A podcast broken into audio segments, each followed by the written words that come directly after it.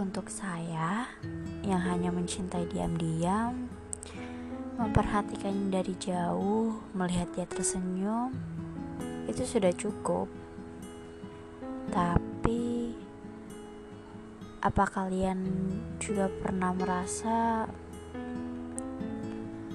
hmm,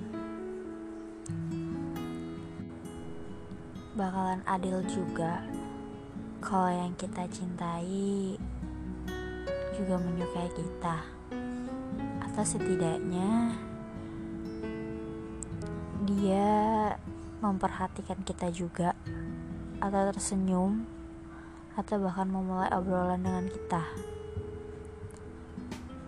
Harusnya ada kata saling, kan? Tapi balik lagi, kita kan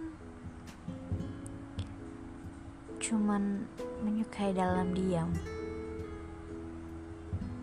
Jangan harap dia tahu apa perasaan kita. Kalaupun dia tahu, coba lihat reaksinya. Kalau dia tahu tapi membiarkanmu terus seperti itu, apa masih berpikir dia menyukaimu balik?